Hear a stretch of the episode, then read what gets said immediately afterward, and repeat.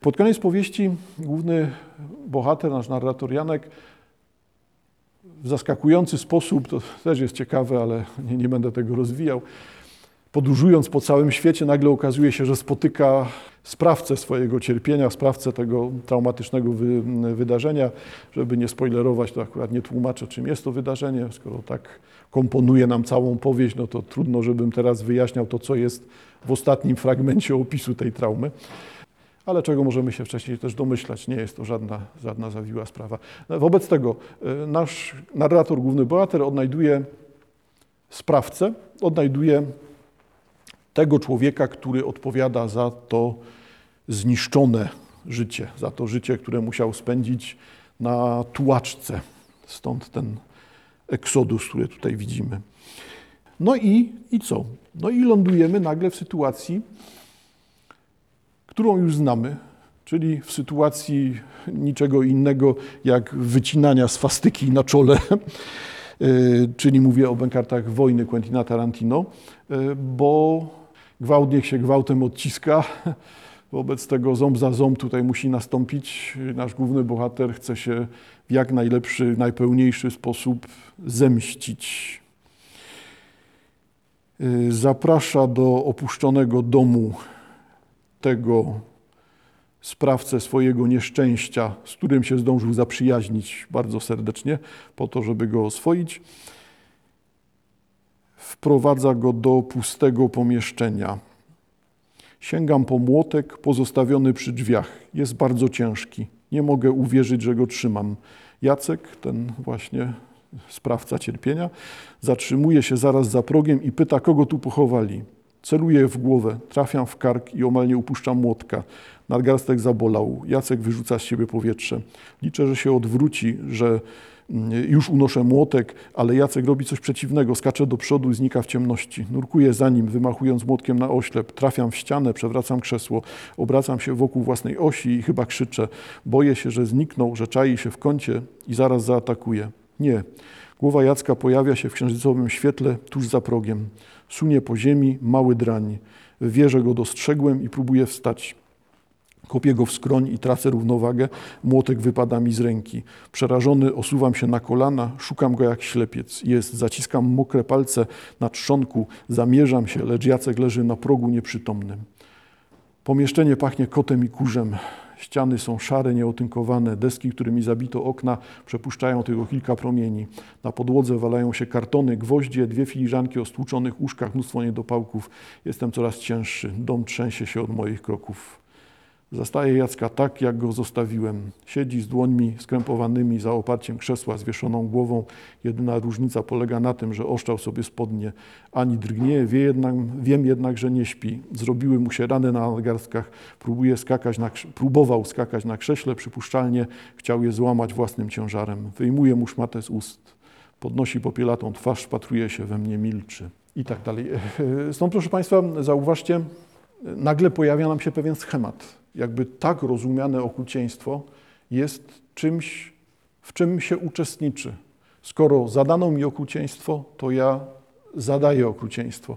Nie ma w tym refleksji, nie ma dystansu, nie ma tego poczucia tragizmu, tragizmu, w której, e, tragizmu sytuacji, w której znalazł się człowiek doświadczający takiego świata jak gdyby uczestnictwo życia skazuje nas na okrucieństwo i wtedy refleksją powinno jednak być to, co widzieliśmy w Hanabi, czyli refleksją powinno być odkrycie dysonansu, dyskomfort, który tu się powinien pojawiać.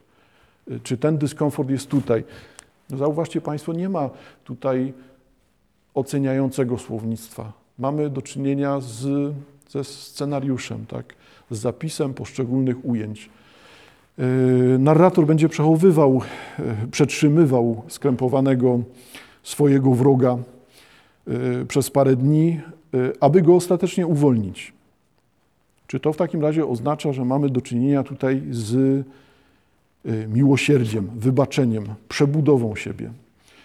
No jednak nie, ponieważ no tutaj przyznaję rację, dziwnie to brzmi, jakby moim zdaniem autor, czyli Orbitowski, E, prowadzi nas właśnie do tego miejsca, że czy zabić, czy wypuścić, nie ma to żadnego znaczenia.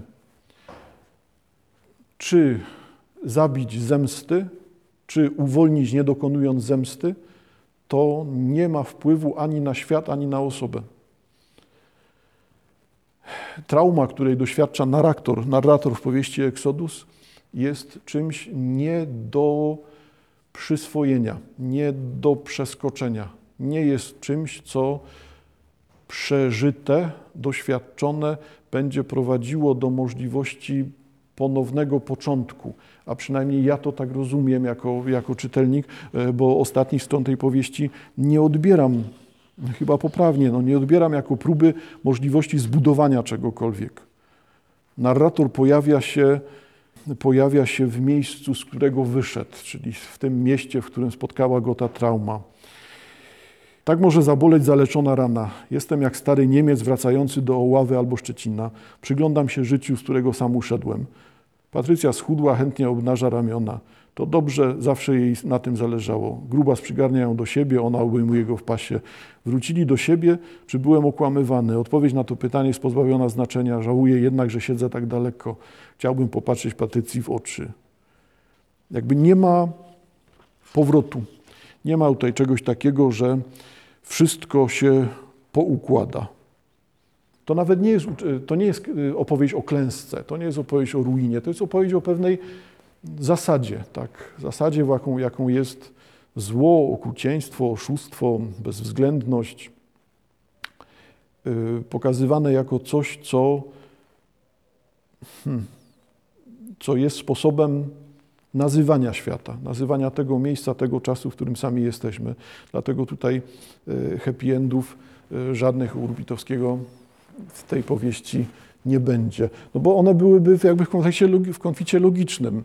Przy tym sposobie rozumienia bezwzględnej, bezwzględnego okrucieństwa, tego okrucieństwa jako siły rządzącej światem, to, to miejsca na happy end to nie ma po prostu. Musielibyśmy zmienić świat. No a to nam przestaje pasować. Łukasz Orbitowski E, debiutował w 1999 roku. Łukasz Orbitowski, e, rocznik 1977.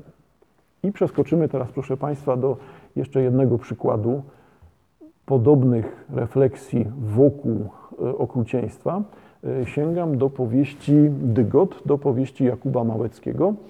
Jakub Małecki, rocznik 1982. No, ale myślę, że szczególnie w ciągu ostatnich lat postać znana, bo to się jednak przewija.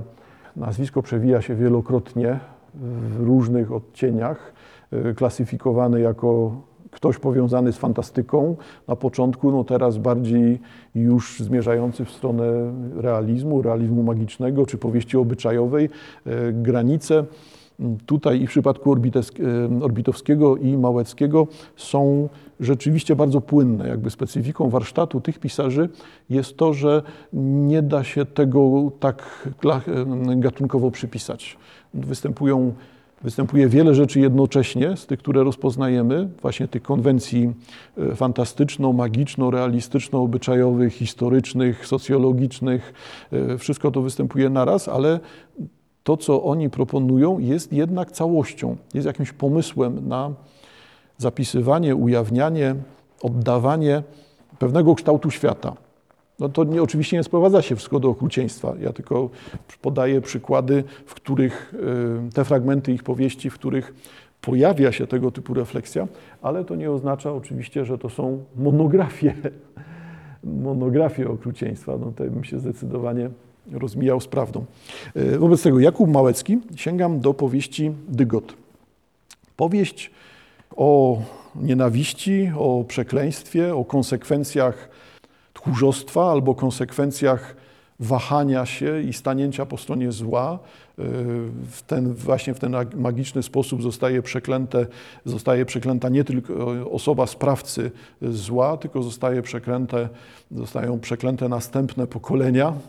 Wina idzie z ojca na syna i będzie przez pokolenia e, trwać. E, nie ujawniam fabuły. E, głównym bohaterem jest tutaj postać, która na też wymagałaby drobiazgowego rozpatrzenia. Bardzo ciekawa e, kreacja postaci innego, innego odmieńca. Albinos. jeszcze albinos odwrócony od świata, zanurzony tylko w swój prywatny świat. Jakby żyje, powstrzymując się od kontaktu ze światem, zajmuje się własnym wnętrzem, żyje do wewnątrz, a nie na zewnątrz. Wobec tego nie dość, że odmieniec z wyglądu, bo albinos taki zupełny, biały z góry na dół, w ten, ten właśnie taki no, chorobliwy sposób, tak, e, no to ten e, z wyglądu albinos, z zachowania też, e, z wyglądu odmieniec, z zachowania też jest odmieńcem. Żeby jakoś znaleźć się w tym świecie, usiłuje znaleźć sobie podobnego odmieńca i ostatecznie wiąże się z dziewczyną pokrytą bliznami w wyniku no, wybuchu, którego była ofiarą. Tak, ale to nie jest powieść obyczajowa o tym, jak dwóch odmieńców, czy dwie odmienne postacie e, wiążą się ze sobą, tylko głównym tematem powieści jest to, co w tytule dygot. Ten dygot, moim zdaniem, proponuje, e, proponuje Małecki jako coś, co nazywa nam reakcję na świat w kontekście tego, co padło wcześniej. Zauważcie Państwo, że skoro możemy rozumieć, że okrucieństwo urasta w ciągu ostatnich dziesięcioleci, w ciągu ostatnich stu lat do tej zasady, która organizuje nam świat, która ten świat nazywa, nomen omen, nazywa, pokazuje kształt świata, rozumiany jako realizację tego okrucieństwa, e, no to czy uczestniczymy, czy płyniemy w tym okrucieństwie, czy rozumiemy dyskomfort i jesteśmy w sytuacji tragicznej, co nie zmienia tego, że jesteśmy zanurzeni w to okrucieństwo, no to dalej występuje to samo. Świat nazwany okrutnym, świat będący okrucieństwem, wywołuje dygot. I to jest coś, co w tej powieści Małeckiego w bardzo interesujący sposób powraca. Reakcją na świat tak rozumiany jest puls, wibracja, ujawniająca się granica, ujawniająca się przepaść pomiędzy osobą a światem. Coś, co neguje ten świat, który, coś, co czyni ten świat albo tak fikcjonalnym, albo tak rzeczywistym, że jest to coś będącego siłą negatywną, coś, co obraca się przeciwko nam. Reakcją na ten świat jest reakcja będąca dygotem. Może dlatego ta pierwszoplanowa postać u e, Małeckiego jest, musiała być postacią takiego odmieńca, e, wizualnego i, mentalnego odmieńca, ponieważ to stało się dla Małeckiego, moim zdaniem, taką właśnie uniwersalną figurą. Jeżeli świat jest, jak Państwo chcecie, wrogiem, piekłem, przykrością, nieszczęściem, jeżeli życie jest czymś, co jest zagładą, jeżeli życie jest definiowane tylko przez destrukcyjną siłę, czyli jeżeli po prostu życie jest niczym innym jak śmiercią, umieraniem, na, na pierwszym planie to się pojawia, tak? no to nie można uczestniczyć w tym świecie normalnie. Nie można być jednym z wielu. Nie można być tym człowiekiem, który jest zupełnie stereotypowy, przeciętny. Tylko pojawia się u Małeckiego wizerunek człowieka, który jest od urodzenia z, skażony, pęknięty. Od razu widoczne jest to, że jest człowiekiem nieprzylegającym, odmiennym, innym, będącym w dysonansie do świata. No i oczywiście, tak jak się można spodziewać, to nie jest kwestia jego wyboru, tylko tego, że ten świat będzie mu to okrucieństwo udowadniał. Czyli okrucieństwo, odepchnięcie, pogarda, ból, rany, fizyczne zagrożenie y, niesione przez innych ludzi y, będą tu głównemu bohaterowi towarzyszyć. Czym wobec tego jest reakcja świata na odmienność? Przy czym zauważcie Państwo, chodzi mi o to, że to nie jest odmienność wizualno-mentalna, i taki biedny chłopak to był. To nie na tym polega, tylko tutaj ta odmienność jest odmiennością egzystencjalną. Znaczy, główny bohater tej powieści nie pasuje do świata, dlatego że jest z innego świata. Nie pasuje do tego świata, dlatego że ciągle trafiają mu się spięcia, konflikty, będąc w tej rzeczywistości, jednocześnie jest kimś z całkiem innej rzeczywistości. I dlatego tutaj występują te iskry, wyładowania, konflikty. E, także tutaj e, mówimy o pewnej e, odmienności samego bytu. I to szokuje. Nie wygląd, nie zachowanie, tylko to, że od razu widać, że to jest ktoś z innego świata, z innej bajki. I wokół tego pojawiają się tutaj konflikty. No, wobec tego moment, kiedy widać tego typu y, sytuacje. Co się stało? Y, łader osaczony przez przeciwników. Co się stało? E, a to, że z ceramiki zaczęli zwalniać, y, w sensie zakładu pracy. Y, czemu zaczęli zwalniać? Wcześniej nie zwalcali, a ta cała grypa no na chuj tak patrzysz. Myślisz, że my nie wiemy, co się święci? Wiktor potarł twarz dłońmi, zamknął oczy. E, a wy już próbowaliście, powiedział. Przecież wiecie, że tak się nie da. A później jest tylko gorzej, wszystko znika. Zajeb go, krzyknął łysiejący do krępego. Widzisz przecież, że szajbus. Wiktor otworzył oczy, zobaczył, że lufa podnosi się powoli i zatrzymuje naprzeciw jego twarzy. Ze środka wypełzło, wypełzło rozmyte. Wypełza. I to jest ten, ten dygot. To jest ta... Hmm, to, co pojawia się w tej przepaści pomiędzy człowiekiem rozumiejącym, że oddziela go od świata przepaść, tak rozumianego świata, czy świata tego, co nazywam tutaj umownie, czy bardzo szeroko okrucieństwem. Ze środka wypełzało rozmyte, wypełza. Wiktor patrzy, jak ciemne smugi rozpuszczają się w powietrzu, leży na łóżku w piołunowie, machając nogami i rękami, patrzy, jak potwory zabierają go na pole, jak umiera po raz pierwszy, a kiedy upada, słysząc ryk ojca zamiętego w kurniku, rozmyte kapie przed nim na ziemię, więc ucieka, umiera po raz drugi i prowadzi ojca na pole, a potem patrzy, jak rozmyte pożera jego i księżyc i patrzy i już tańczy, chwyta ją i tanecznym krokiem rusza przez salon do kuchni, obraca się, wygina, podskakuje, jej śmiech wydaje się, e, wydaje się go napędzać, więc wali stopami w podłogę, odbija się od ścian, a na koniec przytula ją i powoli w milczeniu kołyszą się z nogi na nogę, a rozmyte znika na chwilę, na chwilę. Dobra, mówi łysiejący. Powiedział, weź go gruby, odpierdol. Ten ze strzelbą odwrócił się do starszego kolegi, jakby właśnie się zorientował, że trzyma broń i powinien coś z nią zrobić. Stojący obok Wiktora pies parsnął dziko, rzucił się przed siebie, pociągając za sobą wóz. Potrząsnął łbem, jakby próbował się od czegoś opędzić. Strzał przedziurawił świat na wylot. Wszystko dzwoniło, a potem zapadła cisza. Z lufy uciekała cienka wstążka dymu. Usiejący podbiegł pierwszy, za nim dwaj o napuchniętych twarzach. Krępy upuścił strzelbę i powiedział, o kurwa, przepraszam. A potem pobiegł za resztą. Pies zatoczył się runą do rowu, pociągając ze sobą wóz, to jest imię konia, pociągając ze sobą wóz. Kiedy uderzył o ziemię, Wiktor usłyszał trzask, jeszcze jeden. Z pobliskiego gospodarstwa biegł już ku niemu rosły, opalony mężczyzna o siwych włosach. Coś pan zrobił, krzyczał, spoglądając na niego, to należące w rowie zwierzę. Matko Boska, coś pan zrobił. To nie ja, powiedział Wiktor, chwiejąc się. Ja tańczyłem. Trzeba go dobić, stwierdził mężczyzna. To już nie... Po... Tu już nic nie pomoże. Łeb roztrzaskany. Mój Ty Boże, no dobij go Pan. Widzisz, Pan jak się męczy. Wiktor podniósł strzelbę z drogi, podszedł do psa. Jedno ślepie wpatrzone w niebo, jakby wiedziało. Wycelował, zamknął oczy. Pociągnął za spust i omal nie wyrwało mu z ręki stawu, e, ręki ze stawu. E, lufa uderzyła go w brzuch. Zwierzę umilkło, a nogi przestały bić w ziemię. Mężczyzna trzyma się za głowę, trzymał się za głowę i mamrotał coś do ciebie. Wiktor wyrzucił strzelbę do rowu i spojrzał na koło rozciągające się w oddali, a potem odwrócił się i poszedł przed siebie. Kilkanaście godzin później umarł po raz trzeci, ostatni. Czyli zauważcie Państwo, że tu mamy ten sam świat, może ukazywany w sposób nie tak, wytnijmy naziście swastykę na czole, e, ale dalej pojawiają się te same znaczenia, te same znaczenia reakcji na okrucieństwo, pragnienia zemsty, zemsty, która jest siłą niszczącą wobec mściciela. Mamy jakby ten sam krąg znaczeń.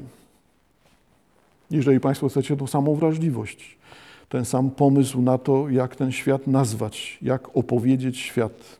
Ta reakcja na świat tutaj bardzo często również towarzyszy wszelkiego rodzaju używkom typu alkohol, narkotyki, Stąd sytuacja na przykład tego typu. Jedna z postaci odbiera e, SMS-a, jedna nowa wiadomość. Otworzył wiadomość i oczy szerzej. Nadawcą był żyraf. W treści lśnił żółty, uśmiechnięty emotikon. W załączniku czekało zdjęcie, jakiś człowiek Jakiś człowiek leżący na ziemi, Sebastian nacisnął powiększ. Na chodniku w plamie wymiocin wylegiwał się Menel z rozbitą butelką w ręku. Sebastian poznał pana Witka, który nocował w ich samochodzie wiele lat temu i którego jakiś czas później podobno na obwodnicy śmiertelnie potrąciła ciężarówka. Pan Witek rozpostarty na chodniku w spranych dżinsa i koszulce zupełnie takiej samej jak koszulce takiej samej jak jego, w jego ulubionych spodniach, w jego butach. Na chodniku nie leżał pan Witek, ale on, on sam, zażygany menel z butelką, odrzucił kołdrę i wstał, a wiertło w głowie zawyło na szybszych obrotach. Do łazienki. W łazience to co zawsze, w kuchni woda, w przedpokoju dygot. Opanował się, wykąpał, umył zęby. Długo spoglądał na bladą twarz w lustrze.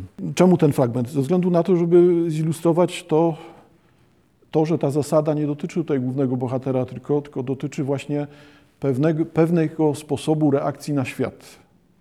Model tej, tej różnicy, tego konfliktu ze światem, ratowania się przed y, światem zła czy światem okrucieństwa jest tutaj realizowany w wielu postaciach, no ale zyskuje jakby ten sam y, kształt językowy.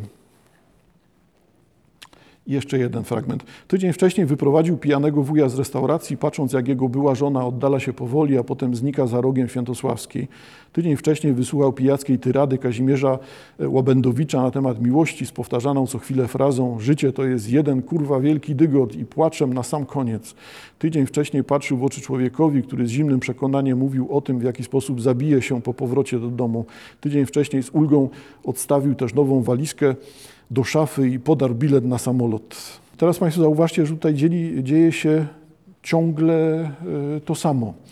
Czyli każde doświadczanie świata, każde wydarzenie e, opisywane w tej powieści sprowadza się właśnie do tej reakcji, reakcji takiej, co no, egzystencjalnej, chociaż może lepiej byłoby ontologicznej, tak, reakcji polegającej na konflikcie między dwoma przeciwstawnymi bytami. Jakby nie jesteśmy z tego świata. Różnica między nami a światem jest tak potężna, że nie da się utrzymać istnienia i świata, i nas jednocześnie. To jest coś, co jest w konflikcie. Możemy udawać, że tego nie ma, czyli możemy płynąć z okrucieństwem. Możemy obrócić się przeciwko temu światu, zrozumieć przepaść, zrozumieć tą różnicę, ale to nie zmienia samego świata. Dalej jesteśmy w tym samym konflikcie. Wobec tego tak rozumiane życie jest życiem co? Zjadającym samo siebie. Życie tak właśnie u niczego, moc, która sama siebie pożera. Coś niepojętego, pozasłownego, mrocznego, coś, co jest z definicji przeciwko człowiekowi. Yy, tak, aby rzeczywiście nie spolierować, to nie, nie, nie czytam puenty ale puenta tej powieści jest w podobnej poetyce umieszczona. Nawet jeżeli e, szukamy czegoś, co dla nas jest oparciem, czegoś, co będzie ratowało nas przed światem, no to ten ratunek jest tutaj tylko, chciałoby się powiedzieć optymistycznie, w drugim człowieku, no ale u Małeckiego to nie jest takie proste, że to chodzi o drugiego człowieka, tylko różnicą, hmm, bólem, cierpieniem, które w całej tej powieści jest eksponowane, jest to, że jeżeli już docieramy do tego, że będąc człowiekiem jesteśmy odmieńcem z założenia, nie ma żadnej wspólnoty międzyludzkiej. Jest tylko bycie odrębną, izolowaną jednostką i na tej zasadzie każdy jest odmieńcem. Każdy ląduje w sytuacji wykluczenia, każdy jest kimś na marginesie. To w tej sytuacji ratunek możemy odnaleźć tylko w odmieńcu, który rozumie siebie, rozumie sytuację, w jakim się znalazł. Tylko mamy do czynienia z logicznym kłopotem, czy praktycznym kłopotem. Na ile ktoś, kto doświadcza życia w taki sposób i ma świadomość tego bycia odmieńcem, bo nie chodzi o bycie albinosem czy introwertykiem, tylko po prostu bycia odrębną jednostką, na ile jest w ogóle możliwe spotkanie się z inną osobą, skoro ona też jest tą samotną wyspą. No, wyspy jednak się nie ruszają to nie jest serial Lost, gdzie wyspy się pojawiają i znikają za pociągnięciem dźwigni, więc raczej jesteśmy skazani na, na samotność w doświadczaniu życia i samotność też w doświadczaniu życia rozumianego jako doświadczanie śmierci. Dziękuję bardzo. Do usłyszenia.